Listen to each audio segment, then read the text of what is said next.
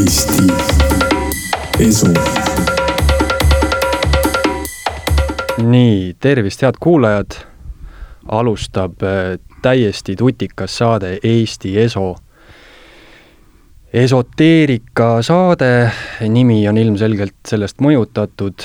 esoteerika tähendab meil siis äh, salajasi teadmisi, salajasi õpetusi. ja mina olen saatejuht Taavet Kase ja esimesse saatesse olen kutsunud Eda Pauksoni.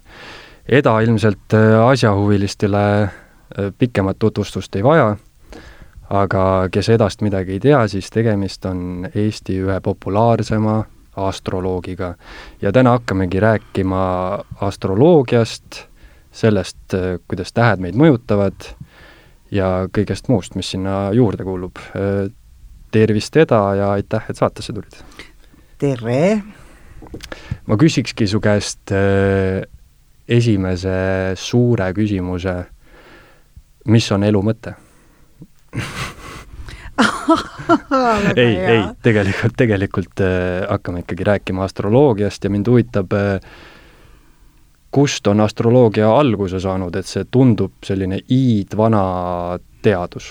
sa ütlesid jumala õigesti, ta on tõesti iidvana teadus ja just nimelt teadus, sest kunagi ta oli ikka täiega teadus, praegu on ta kuidas, kuidas öelda, praegu nagu teadused on astronoomia ja nii, astroloogiat nagu ei pea, peeta teaduseks, aga tegelikult juba muistsetel maiade kultuuris oli, oli juba astroloogia täiesti olemas ja siis tegelikult mingitel aegadel astroloogiast arenes välja astronoomia, see on sedapidi, ja psühholoogia mm. -hmm. nii et ta on iidvana teadus tõesti. põhimõtteliselt jah, et nüüd tänapäeval on ju, seda peetakse pigem niisuguseks pseudoteaduseks, aga nii-öelda see päris teadus on siis arenenud välja astroloogiast tegelikult ta on arenenud tõesti astroloogiast välja ja tegelikult astroloogias ja astronoomias me kasutame praktiliselt ühtesid taeva koordinaate, kui me midagi arvutame mm. -hmm. aga kas on ka mingisugused daatumid, mida saab panna, et kui mitu tuhat aastat või, või millal see alguse sai?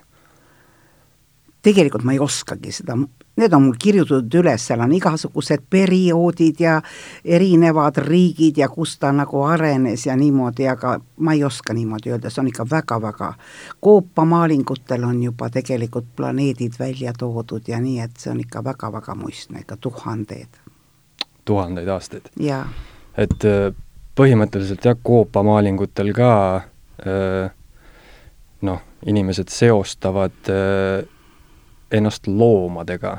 ja ma mõtlesin selle peale, et, et kui me räägime nüüd astroloogia märkidest, on ju, tähemärkidest, siis kust tulevad need arhetüübid, et seal on ka palju loomi, kaljukits, ma ei tea, kalad, lõvi, mõned on neist pärisloomad, mõned on välja mõeldud loomad, näiteks hambur on, on ju üldse mingisugune tegelane, kentaurilaadne tegelane. hambur ei ole, veevalaja ei ole, kaalud ei ole mm. -hmm. et kust, kust need märgid või kust need nagu arhetüübid on alguse saanud? Need on tähtkujude järgi, need on ju tegelikult tähtkujud taevas mm. -hmm. et see lihtsalt Need on tähtkujude järgi, on meil lõvi tähtkuju, on ka veevalaja tähtkuju küll, see pole küll loom, aga kalade tähtkuju on täiesti olemas, jäära tähtkuju on olemas. Need on, selle järgi on tulnud. et inimesed on nii-öelda omistanud mingisuguse just, looma just. iseloomujooned siis äh, taevatähtedele? mingil moel, kas nüüd tema iseloomu, aga aga selle järgi on see tulnud, sest kunagi need sodiaagi märgid, mida ma ütlen praegu mm, -hmm. need ei ole tähtkujud, sest kes ütlevad nüüd, et ma olen sündinud näiteks Jäära tähtkujus, on jumala vale mm. -hmm. kokkuleppeliselt on ring jagatud võrdseteks kolmekümnekraadisteks juppideks, aga nad ei kattu enam nende kohtadega, kus tähtkujud on mm. -hmm. Need tegelikult on sodiaagi märgid, aga tähtkujud nagu ei kattu sellega. muistsetel väga-väga-väga vanadel aegadel ilmselt kattusid. et põhimõtteliselt eh, kui ma tahan öelda, et ma olen sellest ja sellest tähtkujust, siis tegelikult ma peaks kasutama sõna sodia-, sodiaagi märgist? jah, ma olen sündinud selles sodiaagi märgis või sel-, või päikesemärgis, see tähendab, millises sodiaagi märgis asus päike sündimise mm -hmm. ajal. okei okay,, ja siis noh, nagu me teame, siis kõikidel inimestel on siis nii-öelda iseenda sodiaagi märk, kõigil inimestel on sünniaeg. Ja kuidas, kuidas need tähemärgid siis, sodiaagi märgid, vabandust, kuidas, kuidas need inimesi mõjutavad, sest nagu me teame, siis paljud skeptikud on ju, skeptikud räägivad sellest, et, et noh, kuidas, kuidas me saame mingisuguste taeva, taevamärkide järgi üldse nagu midagi öelda inimese kohta, et kuid-, kuidas see nagu mõjutamine käib? et no ütleme, ma toon sulle näite. me võtame Lasnamäel sündinud lapse ja me võtame, ütleme, Araabia Ühendkuningriigis naftašeigi sündinud lapse ja nad on sündinud täpselt samal kuupäeval, täpselt samal aastal, täpselt samal sekundil. kas nende iseloomujooned on sarnased? ei ole. Sest neid mõjutab keskkond, eks ju? ei. aga miks siis ei ole? no mõisteta ma mõtlengi, et, et noh, kui, kui meil ei ole, seal on selline lugu, et tuleb alati arvestada koordinaate, kus inimene on sündinud. Ahah, et ikkagi see koht jaa, see koht, sest tegelikult ega ainult päike meid ei mõjuta. ainult mm -hmm. päike ei mõjuta. taevas on kõike muud ka kui päike, on kuu ja planeedid ja kui tehakse inimesele sünnihetke järgi sünnihoroskoop, siis tuleb alati arvestada ka sünnikohta mm. -hmm seega, kuid kui need nüüd niimoodi ära arvutada ja kuidagi sealt ütleme, teiseldada ja niimoodi, siis aga põhimõtteliselt teisikuid on. Kui näiteks ütleme Tallinnas siin või kuskil, no ütleme Tallinnas sünnib ühel hetkel, ühel sekundil teeb see beebi kiiksatuse, no see on harvad nüüd suisa ühel sekundil, siis on sarnasus kindlasti olemas. me oleme uurinud seda ja äh, hoolimata siis sellest, et äh, noh, okei okay,, toome lähemalt näite, üks inimene sünnib Lasnamäel, teine Viimsis. ei nende..., see juba enam ei loe. See on, see on, me oleme ikka nii, nii kompaktsed siin kõik koos. aga see on kummaline küll, vaat sa ütlesid niimoodi, et noh, et et kuidas ta mõjutab, me arvasime nelikümmend viis aastat tagasi ise samuti, et no kuidas see võimalik on. Eduard oli ju füüsik iseenesest. ja meil tekkis selline mõte, et peaks natuke vaatama, et on see, võib see tõsi olla. Ja tegelikult ta oli mingil moel tõsi, me hakkasime jälgima inimesi. see oli kuskil viieaastane periood, kus me arvutasime inimesele sünnikaardi, see tähendab sünnihoroskoobi, mitte ainult päikest, ja siis me hakkasime jälgima nende inimeste elu, nad ei tea siiamaani seda me sellega kellelegi halba ei teinud ja vot niimoodi ma hakkasin vaatama, et siin siiski midagi on. aga ütleme, et, et kuidas siis, millised on nagu äh, need iseloomu erinevused või noh, mida see nagu minu iseloomule tähendab, kui ma olen sündinud sellel kuupäeval selle sodiaagi märgi all selles kohas? no selleks peab lugema iga märgi omadusi ja ma ei väsi korrutamast seda, et mina kõige rohkem hindan Linda Goodmani päikesemärkide raamatut, kus on tohutult hästi läbi analüüsitud kõik kaksteist märki. ja see on niivõrd huvitav raamat, on koostatud selliselt, et kui inimene loeb ise oma märgi läbi, ta tohutult endale meeldib mm. -hmm. kui ta loeb teist korda, siis ta hakkab vaatama, ai aga mis siis nüüd siin on, et mul ei ole ju sellist omadust. loeb kolmas kord ja lõpptulemusel, kui ta loeb veel neljas kord ka läbi, siis ta saab aru, et seal on välja toodud eelkõige need inimese krutskid. ja vaat need on need krutskid, mis on igal inimesel sees. ja vaat kõige parem on see, kui inimene natuke tunneb astroloogiat, ma ütlen natukene.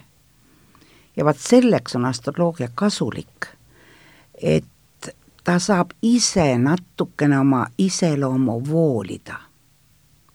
Sest kui talle öelda, et kuule, tead, et sa võiksid seda omadust endas natukene siluda või teist omadust, näiteks võib-olla natukene liiga tagasihoidlik, teist omadust jälle natukene push ida. ja selleks on see astroloogia kasulik. ja nii mõnigi nagu leiab ennast paremini üles jah, sa mainisidki, et, et on ju mitmekordsel läbilugemisel Jah. siis inimene ei tunne nagu ennast ära ja skeptikuna inimesele, kes nii-öelda natukene ainult astroloogiast teab, siis tahakski, selline inimene võib-olla tahaks mainida, et kuidas iga inimene peaks ju olema erinev, et kuidas me siis saame lahterdada inimesed nii-öelda kaheteistkümnesse lahtrisse, aga nagu sa mainisid, siin on ju seda üleüldist kaarti ja et meid mõjutavad taevas väga erinevad asjad, et siis seal on vist sel- lõputult kombinatsioone, et noh, põhimõtteliselt võib-olla tõesti, kui inimesed on täpselt ühel sekundil täpselt ühes kohas sündinud, on ju, et siis seal on sarnasusi, aga põhimõtteliselt neid kombinatsioone, nagu ma aru saan, on täiesti lõputult. sest tegelikult jah, kui inimene tahab väga põhjalikult enda kohta teada, siis tuleb koostada sünnihoroskoop, kus on arvu, arvestatud väga palju asju veel. aga igal inimesel seda lihtsalt vaja ei ole. Seda saab alati teha. aga peaks siiski vaatama seda, et ta pöörduks sel juhul astroloogi poole, kes seda asja siiski natukene rohkem tunneb. sest sellest ei piisa, kui me kuskilt internetist loeme mingisugust oma päikesemärgi kirjeldust, noh okei okay,, kaksikud või vähk või midagi, sellega võib hoopis ummikusse joosta sest aga võib-olla sellel vähil on Merkuur kõrvalmärgis näiteks hoopis lõvis ja see vähk on no nii lõvilik, et mine hulluks ja vot siis tekitab suure segaduse. ja meil Eestis on praegu väga hea, meil on Eesti Astroloogide Liit. ja seal on kõik astroloogid, kes oskavad tõsist nõu, tõsiselt head nõu anda. ja ma mõtlesingi selle peale, et et kui nii-öelda hägused need jooned on, ma täpselt neid kuupäevi ei tea, millal märgid vahetuvad, on ju, aga kui ma olen sündinud näiteks päev enne lõvi öö, märgi algust ja ma olen, on ju, vähk, aga et kas ma olen siis vähi ja lõvi mingisugune hübriid või, või see see nii-öelda märkide muutus toimub ikkagi väga rangelt, et nii kui sa sünnid lõvis, oled sa täiesti teine inimene. see on põhiline küsimus, mida minult küsitakse mm. -hmm. helistatakse tihti, no selle ma kohe vaatan inimesele ära, siis peab sünnikellaaega ka teadma. kui ta on päris piiripealsel päeval sündinud, no okei okay,, sa oled sündinud kakskümmend kaks, eks ole, sel juhul võib-olla kakskümmend kaks eh, juuli, eks ole. aga seal on selline lugu, ei saa olla rongis sees ja rongist maas kõik. et ikkagi on see selge piir? see on selge piir, olgu see kas või ühe kraadi sekundiga. ütleme ühe kraadi minutiga mm. -hmm. ja tavaliselt esimene ja viimane kraad on kõige tugevamad kraadid. võtame näiteks, võtame kaljukitse näiteks. nii. oletame, et inimene on sündinud kaljukitse viimases kraadis. ja kui ta on viimases kraadis sündinud, ta on väga tüüpiline kaljukits. ja see viimane kraad see siis viimane tähendab on nii-öelda väga viimast tugev, ta püüab veel võtta kaljukitsest, mida vähegi annab, et mitte nüüd seda veevalajat sealt kõrvalt võtta, see on kuidagi niisugune kummaline asi. ja nii kui jõuab veevalajasse, siis see esimene kraad on jube tugev. aga nüüd ma hakkan olema veevalaja ja see niimoodi väga tugevalt kehtib ja inimene peab teadma, kumb märk ta on, see on päris tore mõnes mõttes, et kui ta teab seda, kuid kõrval on meil Merkuur see on üks selline asi, mis võib väga paljud inimesed segadusse ajada ja siit tulevad suured segadused inimestel, kes ütlevad tihti nii, oi, ma olen kalad, aga ei, ma olen nii äära moodi. või ma olen veevalaja moodi. vaat Merkuur, see on liigutuste planeet, mõtlemise planeet. ta on niisuguse taiplikkuse planeet ja tema ei saa minna kaugemale päikesest kui kakskümmend kaheksa kraadi ainult ja tihti on nii, et kõrvalmärgis on Merkuur ja siis on nii, et inimene tunneb oma Merkuuri mõju. ja siis ütleb, ei, mul ei ole selle märgi omadusi, et on, on.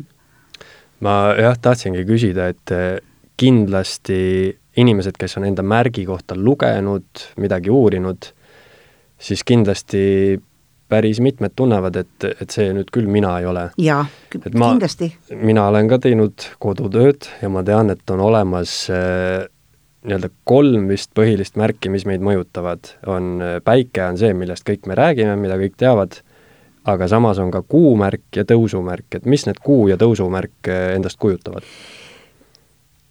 nii, see on nüüd selline asi, et neid kolme momenti võiksid inimesed enda kohta teada.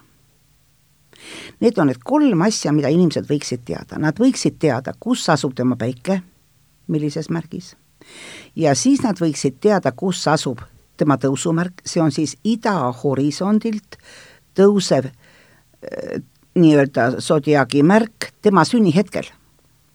Seda saab arvutada, kuid selleks peab võib-olla pöörduma mõne astroloogi poole, see pole keeruline, see on tõusumärk, see on tema esimese astroloogilise maja algus. see on tema teine mõjutaja ja tihtipeale näiteks ka mina, kui ma kellegiga räägin, mõni küsib arva, mis märk ma olen, ma arvan ära tõusumärgi see on nii kummaline. Öeldakse nii, et päikesemärk on see, kes ma ise olen. tõusumärk on nagu, nagu lava, kus ma oma elu mängu mängin. ja mis see kuumärk siis on? ja siis see tõusumärk nii meestele kui naistele võrdselt avaldab mõju teisena, peale päikest. kolmandaks on kuumärk. see on märk, kus asub kuu inimese sündimise hetkel.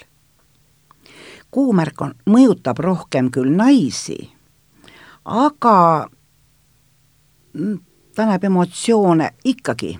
kuumärk on see kolmas märk, mis on ikka see põhiline mõjutaja, kui inimene enda kohta neid kolme teab, ta tunne, ta õp-, no ühesõnaga ta nagu õpib ennast tundma palju rohkem, kui ta üldse ennast tundis varem. ja ta oskab oma elu paremini sättida ja kuidagimoodi siin ei ole vaja uskumist või mitteuskumist, noh lugeda võib ju alati, ega siis ei pea Põhjani astroloogiat uskuma, seda pole vajagi. Aga ennast tunda võiks iga inimene rohkem.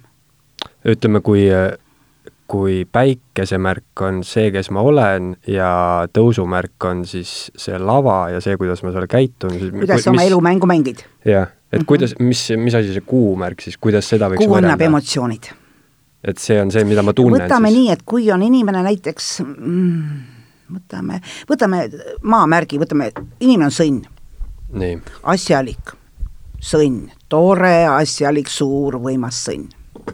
tema räägib kõik, raha mulle kõige tähtsam reeglina, no või mitte niivõrd raha, aga materiaalsed asjad.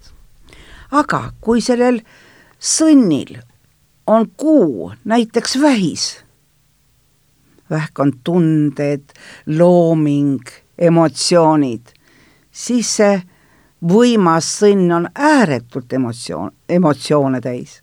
nii et kõik see nagu läheb ilusasti paika, kõige parem ongi, kui asjad on laiali sünni nii-öelda kettel.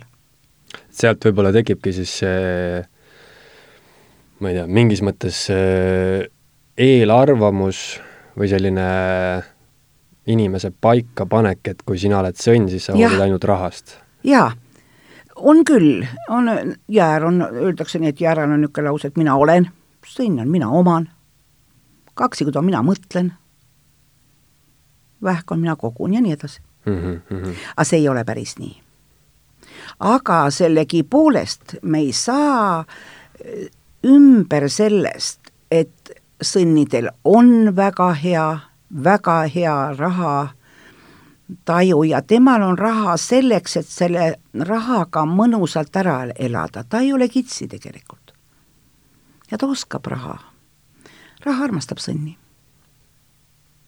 Kuigi üks oht on sõnnidel, nad võib-olla natuke liiga palju, liiga suurt tähelepanu omistavad rahale ja ja natuke palju räägivad sellest mm. -hmm. eriti peredes sa mainisid, et, et sõnn on maamärk ja, ja siit ka järgmine küsimus, et nagu ma tean, siis tähemärke me jagame, on ju, elementide järgi. Et millised need elemendid on ja mida see märkide osas tähendab? võtame siis maamärgid kohe, sellest me alustasime, eks ole. maamärgid on meil sõnn, neitsi, kaljukits ja kõik maamärgid on äh, rikkad maamehed? ei pruugi nii päris olla, aga nad on asjalikud mingil moel mm. -hmm. see on niisugune asjalikkus ja selline maisus, ütleme niimoodi.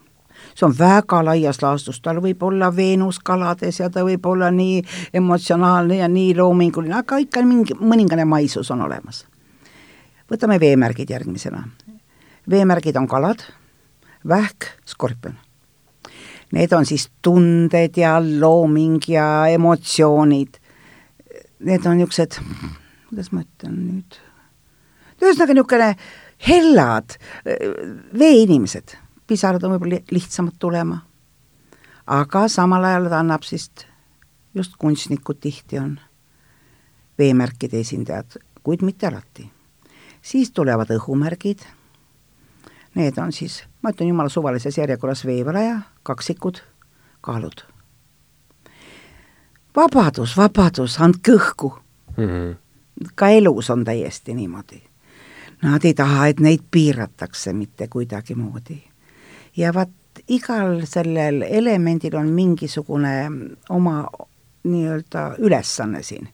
tulemärgid, jäär, lõvi ja hamburid. nii nagu tuli on. Nad on aktiivsed, nad möllavad, nad võitlevad. ja iga element annab sellise iseloomujupi ja kõige parem on niimoodi, kui ühel inimesel, näiteks sinul näiteks, oletame, et sul on nüüd mingi planeet võiks olla igas märgis, no igas elemendis, ütleme niimoodi. see on, see on kõige parem sünnihoroskoop on, kus on laiali. et iga element on, on sul sünnikaardis näiteks olemas, on inimesi, kellel on näiteks puudu täielikult maamärk mm. -hmm. Mis see tähendab siis? see tähendab, et sõnnis, kaljukitses ja neid siis tal pole ühtegi planeeti ei ühtegi maja tippu, ei ascendent ei ole seal ja siis see inimene on nagu natuke eluvõõras. ja tuleb arendada seda maisust, praktilist meelt. ühesõnaga, maamärgid on siis kõige praktilisemad? jah, just. kui on puudu tulemärk mõnel inimesel, võib see puudu olla, siis tal võitlusvaim puudub praktiliselt, organiseerimisvõime on vähene mm. -hmm ja see on kõige parem, tavaliselt niimoodi on harva, kui sul ü-, mingis elemendis mitte midagi ei ole. seda on harva, aga on. päris niimoodi vist? laste puhul on väga hea seda vaadata, kui sul on mingi põnn ja sa ei saa tast üldse aru. jumal, ta on mul kalade märgi esindaja, ta peaks nii nunnukene olema ja kuidagi nii, aga see on nagu põrguline. Kõik on tule, ja siis on tal, just nimelt, tal võib seal tulemärkides Veenus olla, Marss, hoidku jumal, kui veel Marss, siis ta nagu, nagu tulesäde ja ta on veel, võitleb ja ta on äge ja kõik sinna juurde, vaat me õpime lapsi paremini tundma, kui me teame seda. laste puhul on see väga tähtis, lapsed on meil veel rikkumata mm. -hmm. sul on palju halvem juba teha, sest sul on juba elukogemused ja sa oled oma elu sättinud ja täiskasvanud inimesed on juba natuke rikutud, ma ütleksin, nii-öelda meie ümbruse poolt, sest me ei ela siin üksinda. ja tegelikult meid kõiki mõjutab ümbrus ka. ja, ja meid mõjutavad ka teised inimesed meie ümber. absoluutselt. ja siis ma mõtlengi, et, et kui, kui me omistame nii-öelda looduslike elementide selliseid noh, jooni iseloomuomadusi omistame siis endale, ütleme noh, mina, kui mina olen, on ju maamärk, et siis ma, siis ma olen äh, praktiline ja selline, aga kuidas see inimeste omavahelises suhtluses töötab, et kas see on ka niimoodi nagu looduslikult äh, loogiline, et maa vajab vett, äh, tuli vajab noh, okei okay,, kui tulele anda hapnikku, siis toimub äh, plahvatus. see on rohkem idamaa horoskoopides niimoodi, aga tegelikult see ei olegi nii väga oluline. tegelikult niisugune mitmekesisus on kõige parem mm. -hmm. sest tegelikult ütleme, iga, iga märgi esindaja, ta võib väga hästi sobituda kõigi kaheteistkümne märgiga, ka iseenda märgiga. seda väga tihti küsitakse. ei ole nii, et ma nüüd otsin seda märki, kellega ma sobin, kes on minu inimene, see ei ole nii. iga märk võib olla ja kõige parem ongi nii, et kui on erinevusi rohkem, see on täiendusmoment on sees. ma mõtlen, et isegi nagu iseenda sees, ütleme, kui mul on äh, tulemärgid ja veemärgid ja kui on liiga palju tuld, siis kustutab vee, kui on liiga palju vett, siis ei. see on nagu vuss. ei ole midagi nii hullu. kui nüüd tõesti mingisugune, mingisugune element väga lööb üle no siis võib olla küll äkilisust. no aga siis inimene teab, see tuleb ennast natukene taltsutada või partner ta taltsutab natukene, aga see võib muidugi segada küll. näiteks mis võib rohkem segada, see tulisus võib-olla nii ei segagi. ma mõtlen, võib-olla natuke segab pigem see veemärk võib segada, kui ta on täielikult, ütleme, ta on boheemlane mm. -hmm ta on väga õnnelik ise ja kõik ja ta elab oma elu väga hästi ära, ta on tohutult andekas võib-olla niimoodi. aga see praktiline elu jääb täiesti puudu, äkki on hea, kui sellel veemärgil on keegi selline kõrval. olgu see siis mõni sõber või, või elukaaslane või, või ka lapsed et siis võiks ikkagi Jaa. tal olla kõrval maamärk, on ju? ei pruugi maamärk olla, ta võib mõni muu märk, ta võib ka õhumärk kõrval, kõrval olla, nii et põhimõtteliselt sega, see sega, segamine on kõige parem. aga see ongi elus nii tegelikult ma olen täiesti märganud, see niimoodi tegelikult ongi. see ei ole kunagi nii, et nüüd, vaat nüüd keegi tahab, et oi, mina tahaksin endale näiteks jääranaist või niimoodi, see ei lähe kunagi niimoodi, see päris nii ei ole.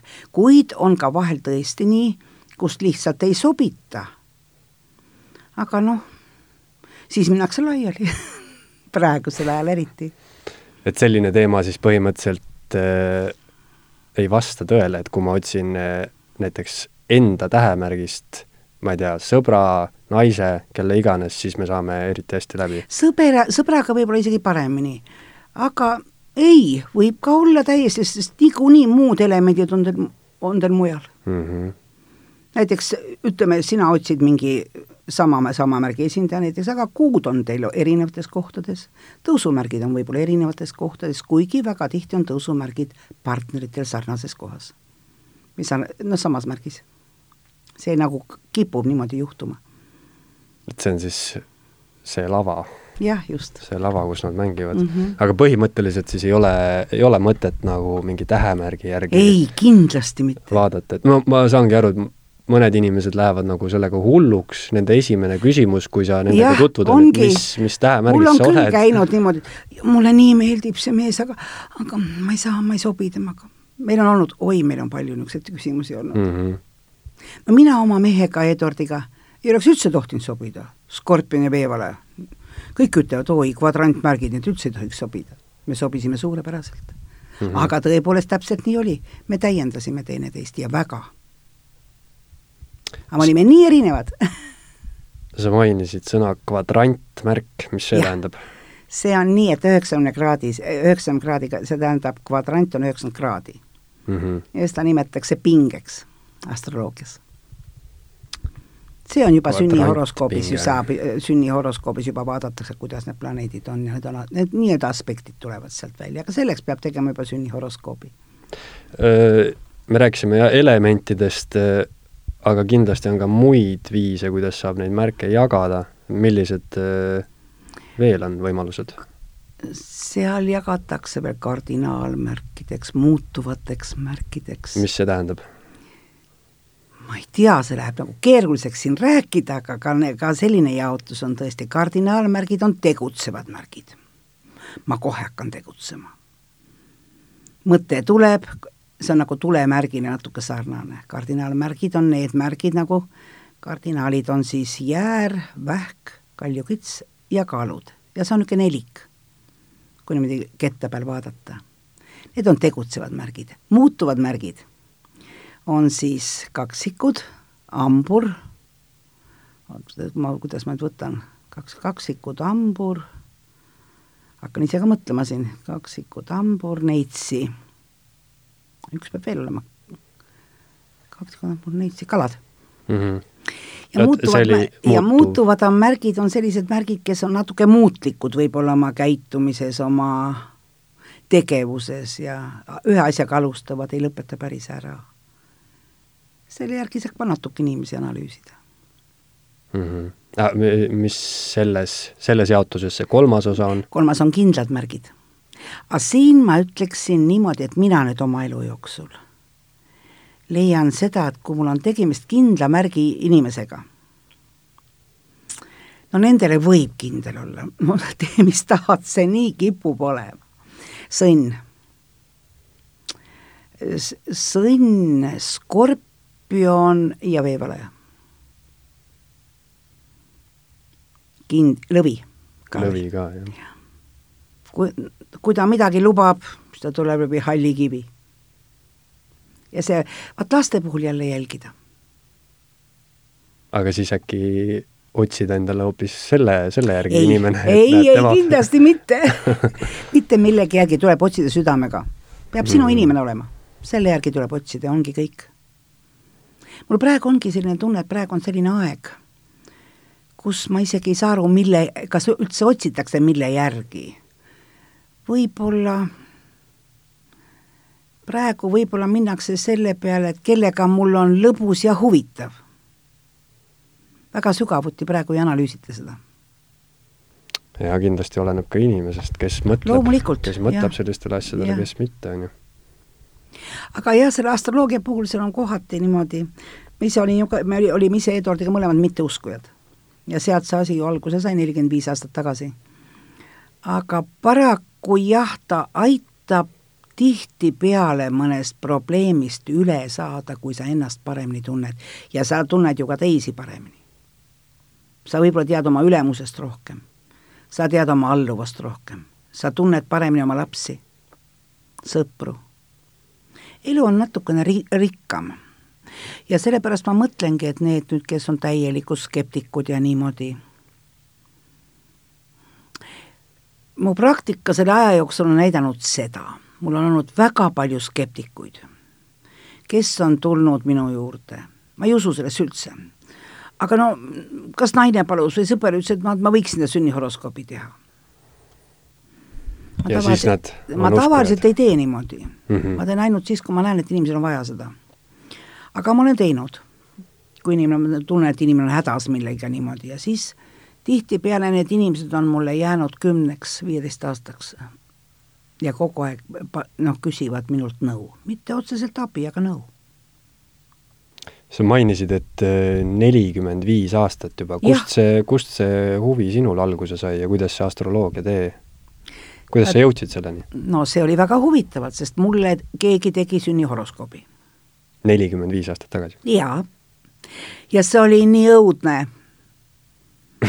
see oli nii õudne, ma elasin üle, ma olin, ma, ma ütlen ausalt, ma põdesin, sest see oli kuidagi nii halb umbes nii mind lüüakse kuskil avalikus kohas maha ja umbes nii, et äh, väga rasked haigused ja suren meeletutesse piina, no midagi niisugust, no see on absurd, eks ole. aga mulle ikkagi mõjus see, seal oli muid halbu asju ka.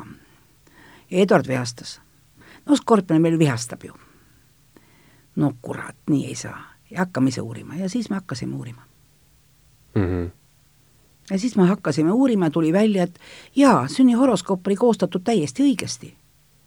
kuid interpreteeritud oli valesti vot selle interpreteerimise kohta ma mõtlengi, kuna astroloogia paljudele seostub sellise voodoo blablabla bla, bla asjaga, on ju, et aga samas, nagu me mainisime, siis ta tuleb ikkagi üsna täpsest täheteadusest aga ilmselt see oleneb kõik, on ju, astroloogist ja kes kuidas midagi kirjeldab.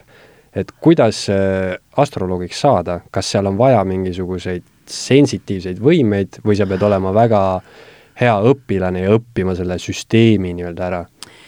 peab olema, peab natuke arvutamisoskust loomulikult peab olema, peab olema, loogilist mõtlemist peab olema psühholoogi võimeid mingil moel peab olema. ja vaat siin tulebki selline asi, rääkida tuleb alati ära kõik. aga kuidas? ja nagu Linda Koodman ütleb, et tähed mõjutavad, aga nad ei sunni. ja see asi tuleb alati kõigile selgeks teha. siin ei ole niimoodi, et vaat nüüd näiteks sul on umbes nii, et homme kukub telliskivi pähe. oh ei. kuid seda ma näen küll. et võib näiteks mingil päeval olla inimesele ohtlik seis ja ma hoiatan, et liigseid riske ei tasuks ette võtta. mul üks väga tore lugu võib-olla, selle võiks isegi võib-olla rääkida, oli selline lugu. ma nägin, isa ja tütar oli vist isa või poeg ja isa kaardis oli ühe päeva kohta oli mingisugune ohtlik seis oli. ma vaatasin, et võib ennast vigastada ja veel ütlesin, et, et ettevaatust igatepidi ja niimoodi. valetan, tütrel oli. ja, ja siis ma ütlesin, et ettevaatust kelgutamisega ka natuke, et tuleb jälgida last.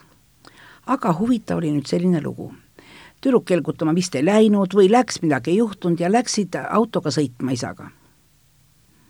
Ja tüdruku kaart mõjutas seda, et isa tegi, sõitis autoga teelt välja täpselt sellel, ma isegi pärast vaatasin kellaaja üle. et niisuguseid kokkusattumisi on küll tegelikult, niisugune mõjutus on täiesti olemas. ja see pani mind tookord väga mõtlema.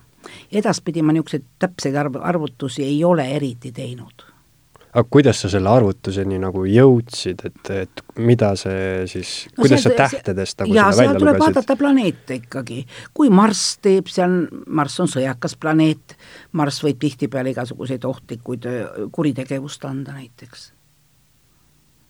Marss on just nimelt kuritegevust võib anda ja mul on ju seal raamatus ju ka hoiatused teatud päevadel, kuritegevusoht. mis meid mõjutab, mida me kõik peaksime teadma, täiskuupäev kuidas see inimesi ole, mõjutab? see mõjutab kõiki, tõsiselt kõiki, ta võib anda unehäireid ja ta teeb ärevaks ja vaat politseid, politseinikud ja räägivad ju ka, et see on tavaliselt raske päev, kui on täiskuu öö.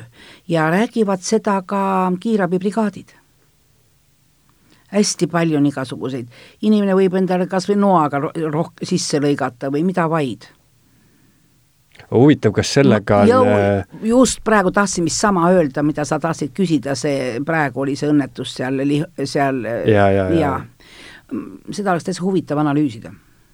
ja ma mõtlen veel ma selle peale, et, et ütleme, noh, me teame, on ju nii-öelda looduses on, kuu mõjutab, on ju vett kõige rohkem, et huvitav, kas see mõjutab tõususid ka veemärke tõususid ja mõõnasid mm. -hmm tajutõusuid ja mõõnasid, vett ja üldse loodust mõjutab. aga kuu mõjutab meid täpselt, me, me oleme, koosneme ju veest suurel määral. aga kas näiteks veemärke siis mõjutab täiskuu kuidagi rohkem? jaa mm -hmm.. oot-oot-oot, tegelikult mitte. kui nagu selle Ei, siiski, loogika järgi? siiski, siiski veidi rohkem, jah selle loogika ja, järgi võtta? selle loogika järgi ja ikkagi, ikkagi mõjutab natuke rohkem.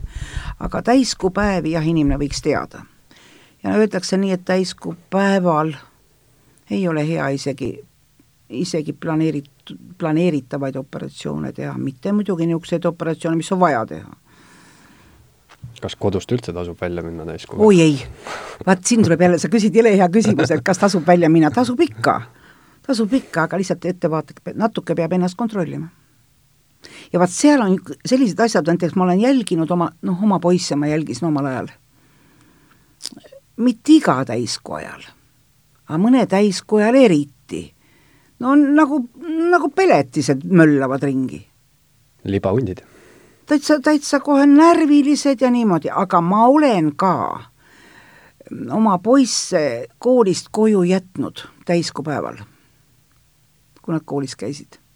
ma sain kohe aru, näiteks kui ta ikka terve öö ei maga ja hommikul siis kuskil kella kuue ajal paneb korraks silma kinni, no mida ma raputan tast üles. aga võib-olla ongi hea, kui ta terve ei maga, siis ja siis läheb siis hommikul ta..., hommikul ei, siis, siis ta läheb... magab terve päeva nagu, siis ei juhtu midagi püsib ei, voodis. ei, siis ta läheb kellegagi riidu kahtlemata, täiskuu päev ju mm. -hmm, mm -hmm. see oht on ka. aga ei, ei, täiskuu mõjutab seda ja seda on, inimesed teavad seda tegelikult no inimesed vist tunnetavad seda, Nad tunnetavad seda, just nimelt, ja isegi noorkuu mõjutab mõnda, see tähendab kuu loomise päev. see mõjutab ka. kuu mõjutab meid üldse igatipidi. sest kuu asend ka sünnihoroskoobis väga mõjutab.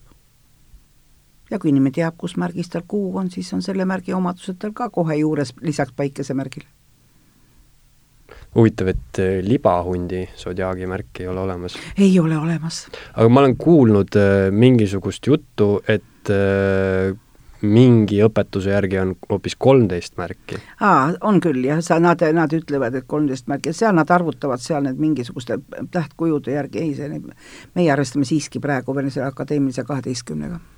et see on lihtsalt ei ole vaja seda mõelda, et kui kolmeteistkümnes ka mm. -hmm ja arvutustega seal saab nihut-, kuidagimoodi nihutada küll selle paika ja on igasuguseid asju veel, on lilid, kuu, kuu pluss veel mustkuu ja meie pole seda arvutanud, kuigi musta kuud mõned arvutavad, Peeter Tammela näiteks arvutab musta kuud ja ma ei tea sellest eriti palju. kui ma tast rohkem teaksin, siis ma hakkaksin võib-olla seda arvutama ka mm. -hmm. aga et äh, põhimõtteliselt, nagu ma aru saan, siis ikkagi äh, et saada astroloogiks, seal on väga palju erinevaid faktoreid ja tuleb õppida. Ja tuleb päris kaua õppida. Ma nii, meil läks aega üks viis aastat ikka julgelt, kui ma juba julgesin ikkagi noh, kui ma julgesin iseendale tunnistada, et ma tunnen seda asja. aga kas see on selline progress, et kas sa tunned, et sa saad järjest pidevalt ja, paremaks? ja, ja, ja kogu aeg, aga huvitaval kombel see astroloogia nagu, ta on, no nagu kõik asjad tegelikult, pidevalt õpid juurde. aga huvitav, kas sa, kas sa õpid, kas sa saad paremaks astroloogiks või sa õpid inimesi paremini tundma? või on seal vahe?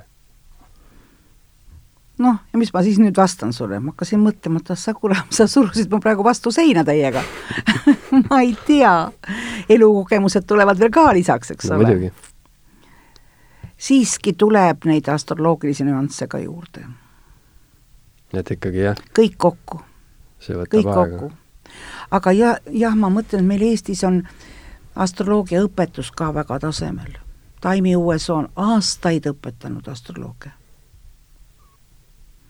meil on väga head astroloogid, tõsiselt head. aga ma kogu aeg, minu mure on nagu see, et inimesed satuvad just nimelt, sest meil on ju internet nüüd ja nad loevad igasuguse, kõik on astroloogid ja teine asi, nad loevad, mul on tulnud mõni inimene, kes on lugenud, no pea on tal nii pahna täis, et mul on kohe tekib hirm ja siis on, siis ma pean hakkama kõigepealt seda prügikasti puhastama. see ei ole midagi nii keerulist, see pole midagi nii müstilist, siin pole mitte midagi müstilist. et põhimõtteliselt selline olukord, noh, ütleme, toome mingi näite, kes on nagu halb astroloog, inimene läheb selle halva astroloogi juurde, käib tema juures pidevalt ja siis tema ohtlik. pea on nii pulki täis, siis ta tuleb, ütleme, sinu juurde ja ta mul on olnud selliseid ju, juhuseid küll. et siis ma on juba kohut, raske teda ma näen kohutavat vaeva sellega. kohutavat vaeva mm. -hmm. see tähendab, no kõigepealt ma pean selle asja kuidagi, ma olen teinud siis täiesti niimoodi, et ma täiesti kulutan inimesele kohe väga palju aega, võib-olla mitu päeva järjest, siis ma hakkan tegema niimoodi, et ma hakkan talle selle sünni, ma joonistan ju sünni, sünniketta ma hakkan talle näpuga näitama ja siis ma võtan veel mingi materjali. loe nüüd siit, mis selle kohta on öeldud, nii et step by step, et näed, see ei olegi, see ei tähendagi sulle surma no, aga kust need erinevused tulevad, kas need tulevad äh, planeetide omavahelisest äh, lugemisest? sest nagu selline planeet... asi, selline asi nagu päikesemärgid ja. on vist ikkagi nagu need universaalselt. ei, ei, seal ei saa eksida. ei saa ka eksida aspektidega, ei saa eksida ka sellega, kui mul on ikkagi Merkuur näiteks ütleme seal Marsiga kvadrandis, siis ta on kvadrandis, kui ta on sekstiilis, siis ta on sekstiilis, seda muuta ei saa. seal on inter-, interpreteerimine tegelikult mina ei nimetagi üldse halba aspekti ja meie astroloogid enamus ei nimeta, on pingeseis ja harmooniline seis. ja need pingeseisud, see on huvitav, tihtipeale inimese elus, need pingeseisud tegelikult annavad inimesele lõppkokkuvõttes rohkem kui harmoonilised seisud oletame, et inimesel on väga palju harmoonilisi seise sünnikaardis, öeldakse nii, et oh, tal on elu nagu lill. ja teine on seal kõrval pingeseisudega, ta võitleb rohkem. näiteks ma olen jälginud niimoodi, et ma olen poliitikuid jälginud üle maailma, mitte ainult meie omi. inimesed saavutavad edu pingeseisude ajal reeglina. sest inimene on ka loom, imetaja, ta hakkab võitlema. on vaja pinget, elekter ka ei põle ju pinget ei ole no ja, nagu ja see öeldakse, tähendab et... ja just nimelt ei ole sellist asja tõesti, et ja ei ole halba kaart, sünnikaarti, ei ole head sünnikaarti, iga kaart on nii nagu iga inimene erinev. ma küsin sult ühe küsimuse. me praegu räägime sinuga siin. kui tihti see planeetide seis kordub, mis meil siin praegu on, mis praegu taevas on, kui me sinuga räägime? see on hea küsimus, see võib korduda, see kordub kas ainult praegu või kordub see miljoni. lõputult paralleeluniversumites. või viie miljoni aastat. jah, viis miljonit, ilus number. aga see on siis tõsi, viie miljoni aasta tagant Jaa. on põhiplaneetide mm. -hmm. seal igast nüansse tuleb siis ka juurde ilmselt. mm. -hmm. aga põhimõtteliselt siis äh, kõik tähemärgid, ei ole nagu sellist tähemärki näiteks, kes sobib kõige paremini presidendiks? milline ei tähemärk?, ei, ei kindlasti mitte. Meil on olnud, Gorbatšov oli kalad näiteks. nii, meil on praegu president Kalju Kits vist on Kaljulaid? Kaljulaid on Kalju Kits. ei, presidendiks, kõik, iga, iga märk võib olla. vaat nii ei tasugi üldse ennast programmeerida. ei tasu häälestada niimoodi? kindlasti mitte. ja vot siin ongi need, vot siin ongi see oht, selle astroloogia oht tuleb siit välja. Mõni märk, tihtipeale vanemad teevad vea. ütled, oh, sina ei saagi teisiti ja sul ei saagi minna paremini või noh, sa oled see märk või ütleme natukene, no mõni on vaiksem märk, mõni on niimoodi, oh, sa oled natukene äppu, sa käelised tegevused ei ole sul nii hea, sa oled ju kaljukits, umbes nii. ja sellega nad teevad karuteene. ma mõtlen ka, et inimestele võib noh, iseendale see saada saatuslikuks, kui nad hakkavad jah, noh, kogu oma elu seovad sellega, on ju. just nimelt selles ongi asi, kõike tuleb teha mõõdukalt mm, -hmm. aga astroloogiat tunda võiks Mm -hmm. mul ei lähe elus meelest ära, mis elus, vaat sa oled kindlasti ka lugenud mingeid raamatuid, näiteks nagu need Mina Claudius näiteks, seal Rooma, Rooma valitsejatel kõigil olid oma astroloogid tookord. aga nemad suisa ennustasid küll, mina siiamaani ei saa aru, kuskohalt nad seda, neid planeete oskasid niimoodi vaadata ja arvutada, ma ei tea. See on minu jaoks müstika, aga osad oskasid mm. -hmm. Caligulal kõigil olid astroloogid. okei okay,, sa, sa ütlesid, et äh, igal märgil on nii-öelda pingepool ja harmooniline pool, ehk siis põhimõtteliselt igal märgil on mingisugused miinused, mingisugused jaa, jaa, nüansid, ütleme nii. ja, või siis noh, on ju asjad, millega inimene peaks tegelema ja, ja asjad, millega tal hästi on. et mis see, kui me võtame elementide järgi, et mis võiksid näiteks maamärkidel need pinged olla? vaata sa nüüd sa segasid ühe asja ära, planeedid segasid ära ja elemendid segasid ära Need asjad tuleb eraldi võtta. Mul läheb segaseks. jaa, need asjad tuleb eraldi võtta, need, need maaelemendid, maa, need elementide järgi ja kardinaalsuse ja nende nüüd ütleme, kindluse järgi, need on niisugused lisa, lisanüansid sünnihoroskoobile, need on lisanüansid, kõige põhilisemad on need, mis, millest me alustasime. on päikesemärk, tõusumärk ja kuumärk. Et ühesõnaga planeetidel on pigem need Jah. nii-öelda varjupool ja see täpselt, hea pool, on ju. Aga siis- siis on vist äh, igal märgil, igat märki mõjutab mingi kindel planeet, eks jaa, just nimelt. et mis, võime need ette lugeda äkki? jaa, võib küll. kaljukits, alustame jäärast, jäär on esimene märk, aa, okei okay.. jah. mis, mis see tähendab, et esimene? kevade algusega, see on kevadpunkt, sellega algab esimene märk. jäär on sodiaagi esimene märk. ma olen ka kuulnud, et jäär on nii-öelda kõige noorem märk jaa, ta on nagu, Nagu sodia-, öeldakse sodiaagi imik. mm -hmm. ja kui me nüüd hakkame niimoodi natuke spekuleerima, reeglina jäära inimesed on väga romantilised, kuigi nad on ägedad. jäär usub kõige kauem jõuluvana, ta on romantiline, kas ta usub või mitte, aga ta vähemalt, ta sisendab endale, et ta on Mm -hmm. vapustav.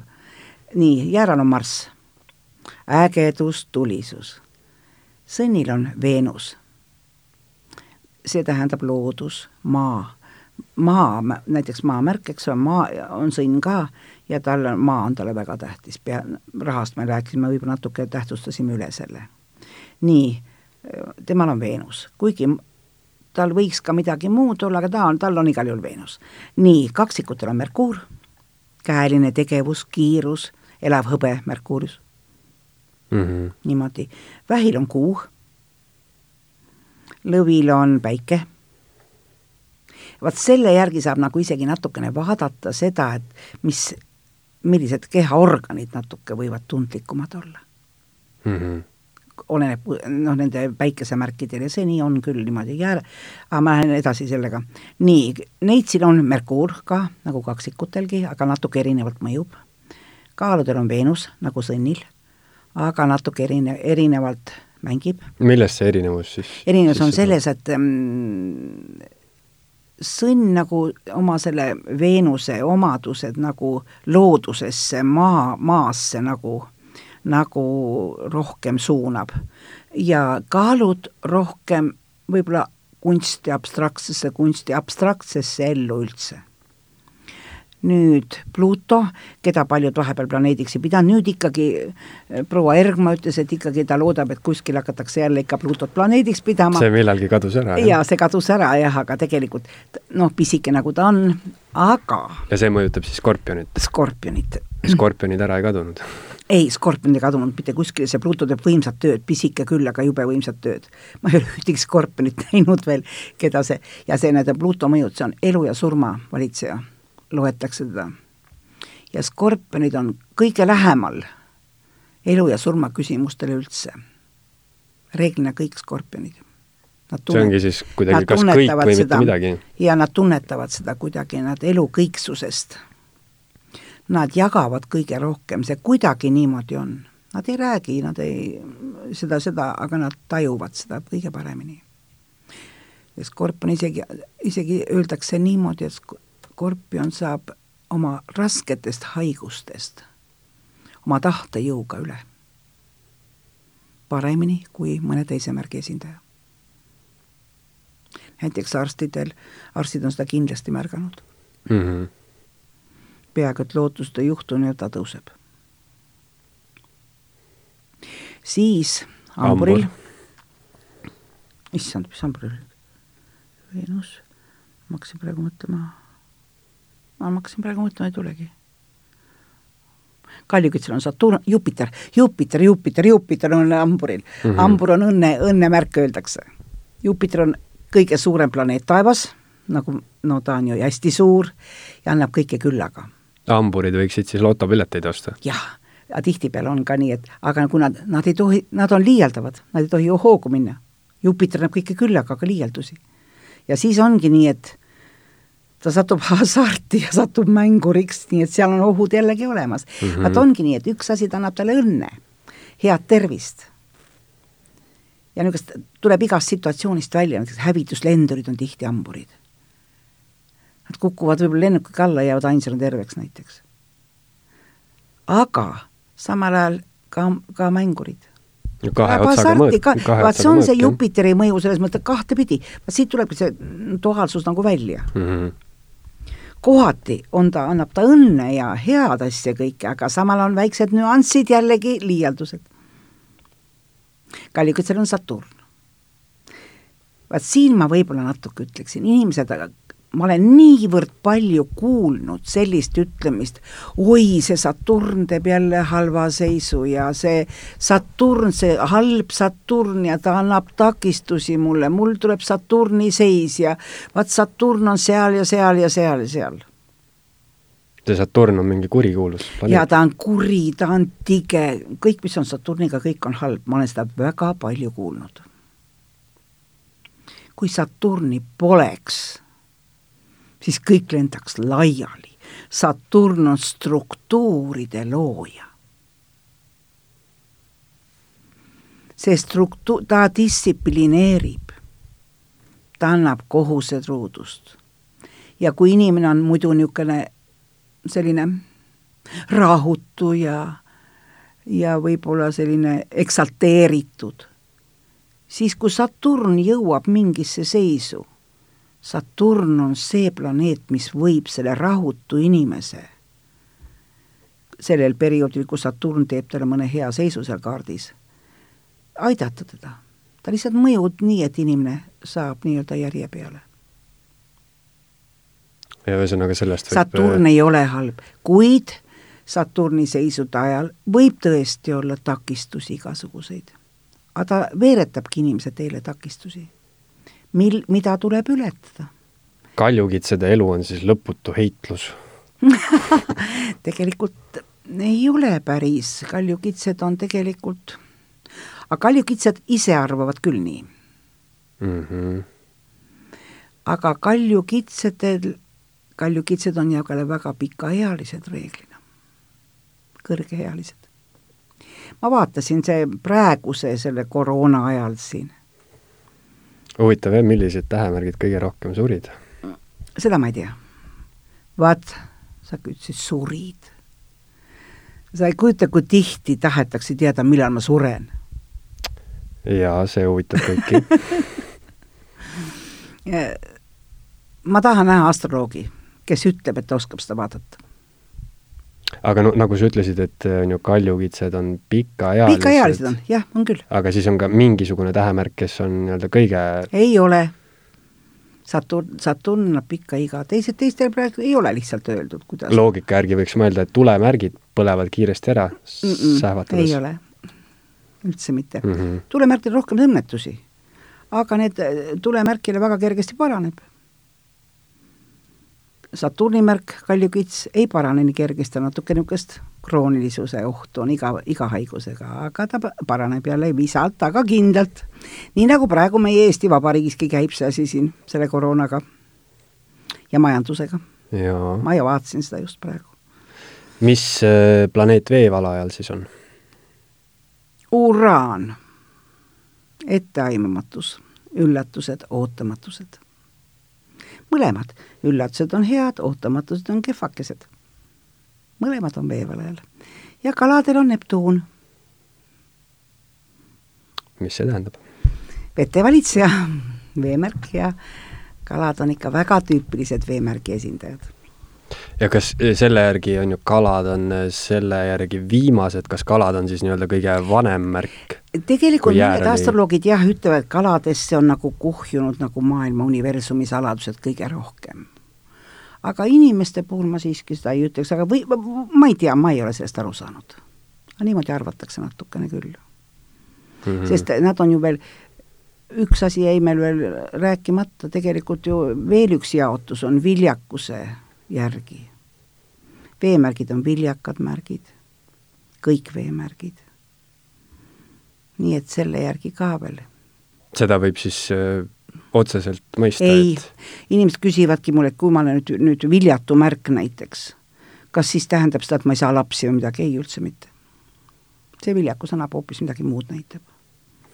mida see näitab? näiteks ütleme taimede istutamisel mm. -hmm taimede istutamisel on niimoodi, et ikka tuleb viljakas märgis maha panna mingi taim, siis ta kasvab nagu rutem ja Aha. näiteks veemärgis on pal-, väga hea istutada ja taimedega tegeleda. Praegu on meil veemärk või? ei, praegu on ma ei tea, kus praegu on, ma, ma meelega ei vaadanud tabelit enne siia tulekut. aga praegune see Zodiaagi märk on vist kaksikud, eks ju? jaa. õhumärk. kaksikud on õhumärk, jah okei okay,, ühesõnaga ei tasu liiga tõsiselt võtta. ei, ei, tasu... ei, aga samal ajal mina jälle leian seda, et tunda tuleks astroloogiat veidikene kas või juba sellepärast, et no kahju ta mingil juhul ei tee. ja kui seda mitte tõsiselt võtta, võtad teda nagu natukene poolmänguna ja täitsa tore on ju oma sõpru vaadata, oma töökaaslasi vaadata, kas või mõni, mõni asi huumoriks keerata, võib-olla mõni väike tüli saab lahendatud. ta aitab elada veidi. ta aitab elu sättida, ma olen sellest täiesti no kaheksakümmend protsenti kindel. no tülide, tülide osas on muidugi, seda on väga jabur kuulata, kui inimesed räägivad, et äh, noh, nad nagu põhjendavad enda, enda mingisugust jama enda tähemärgiga, et oh, ma olengi jaa, lõvi, ma käitungi nad, nii. Nad nagu jah, nad ütlevad nii, et oh, ma olen ju lõvi, ma, ma peangi möllama ja,. jah, jah. see on kõige väiklasem minu meelest. See on tõesti jabur. aga reeglina siiski inimestele nende enda märk meeldib. ma olen aru saanud seda. nojah, neil muud valikut ei ole muud valikut ei ole, jaa aga jah, seda küll nüüd jah, et kui inimene on piiripealsel päeval sündinud, siis on kõige lihtsam, võtke kätte, helistage mulle. ma vaatan selle koheselt ära, ärge elage vales, vales usus, et te olete näiteks võib-olla skorpion, olete võib-olla hoopis kaalud. Okei okay., ja põhimõtteliselt äh, kui seda nii-öelda detailsemat äh, plaani ja seda tahad, äh, tahad saada, siis on sul vaja pöörduda astroloogi poole ja sul on vaja kell, jaa, vaata, täpselt kellaaega on ka vaja. see, vaata, see ongi nüüd asi, et inimesed, vaat praegu õnneks pannakse kellaaeg mm. -hmm. ja Eest-, esimese Eesti Vabariigi ajal pandi iga kellaaeg. aga vahepeal oli iga ligadi-logadi. kellaaega peab teadma. Aga kui suurelt, kui palju see mõjutab, kas see on nagu minutite mäng, kas see on tundide teate, mul on mäng? olnud juhuseid, kus, kus minut, minut paneb teise päike, kohe teise päikesemärki, mul on olnud juhus, kus on nii, et üks on, üks kaksikutest on, kaksikud sündisid. ja seal oli mõneminutise vahega ja minu meelest vist oli keisrilõikega isegi, ja siis oli nii, et üks, üks käksatas ühesõnaga siis, kui ku- kui väike oli kallikütt, siis teine veeveles. ja kui nad kasvasid, siis nad olid täiesti, ühemunarakulised kaksikud, täiesti erinevad iseloomult. Nende elu õnnestus mul jälgida. väga huvitav. ja siis oli üks väga huvitav lugu veel, kaksikud olid, peaksid ju nii ühtemoodi olema. Tšehh-, Tšehhoslovakkias sündisid, arstid ei teadnud tookord, et tuleb kaks last. ja seal oli siis nii, et ühe lapse horoskoop näitas niisuguseid, niisuguseid õnnetusi igasuguseid, niisuguseid, niisuguseid noh, pisikesi, need parandatavad ja kõik. ja seal ikka, ikka eriti, eriti ka tore lugu oli, mitte tore, kurb kohati. kõigepealt oli tal sünd, ta kukkus nagu sünnituslaua pealt alla ja kõrv rebenes, nii õmmeldi kui vastsündinul. kõrv õmmeldi tagasi, siis tal olid mingisugused äh, munandi asjad, poisid olid need. siis tal oli, ma ei tea, kus ta siis kukkus ja siis lõpptulemusele nelja, nelja-aastaselt teine kaksik päästis ta, Mustamäel on teate need tiigid. üks vend pidi ära uppuma, teine neljane tiris välja. ja teisel polnud mitte ühtegi traumat sellel ühel olid traumad ja see, ja trauma oli juba sündimise ajal. ja seal oli, seal oli täpselt vist üheksa minutit oli vahe. Et ühesõnaga enda sünniaega võiks siis on ju täpselt teada. aga me ei tea seda, see ikkagi. me ei tea juba sellepärast, kus me teame, kas sünnituse kell on õige. muidugi, jah. sest see kell võib ju ka vale olla. me ei Ja. tea tegelikult keegi eriti täpselt. ma tean, kui minu lapsed sündisid, mul nagu nooremal pojal on täpne, mulle tundub, sest täpselt sellel hetkel kõrvaltoas hakkas raadio, raadiost tulema mingisugune viiulikontsert, ma vaatasin kella, vaatasin kell, kontrollisin kella, kell oli, vähemalt visuaalselt tundus mulle õige olevat. vot see on jah, teine faktor, vanemad inimesed võib-olla ei tea täpselt isegi ei kuupäeva. tea, ei tea, jaa. no siis nüüd praegu on nii, et mõned mõtted üldse ei saa, saab ikka midagi teha. muidugi ei saa nii põ- põhjalikku sünnihoroskoopi teha, kuid saab teha niimoodi, et arvestatakse solaarmajade järgi, teised astroloogilised majad võetakse. ja saab niimoodi teha. ja seal võetakse nii, et kui näiteks oled vähk, siis vähk on esimene maja. selle järgi ja see, see mingil moel töötab ka. vähem küll. selge, päris lootusetu siis ei ise ole. ei tohiks hakata sünnihoroskoopi koostama. praegu on internetis need õpetused, kuidas sünnihoroskoopi koostada. kalkulaatorid on ju. Ja, ja, ja kõik, kõike saab. no kui te teete, kui inimesed teevad ise selle sünnihoroskoopi, las nad teevad, siis kontrollige mõne astroloogi juures ära, kas on õige. okei okay. aga Eda, sul tuleb ka vist raamat välja. minu raamat on trükikojas millal ta välja tuleb?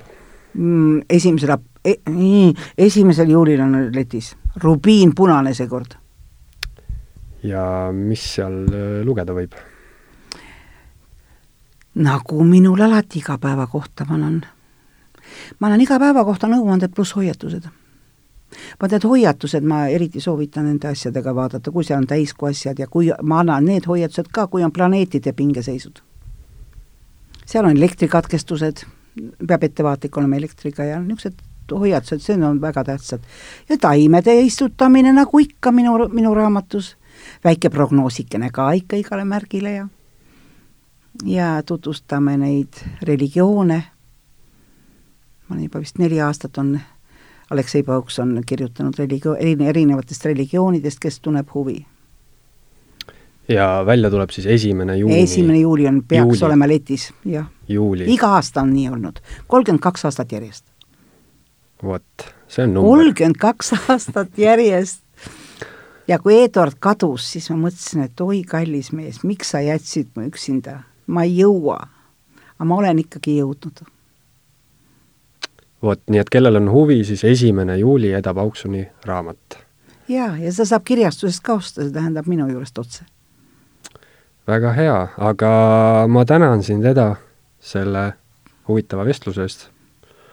ja kes tahab äh, anda tagasisidet, mõtteid, ideid, siis seda saab teha aadressil eso.delfi.ee. ja minu poolt kõik, jälle kuulmiseni! Eesti Esu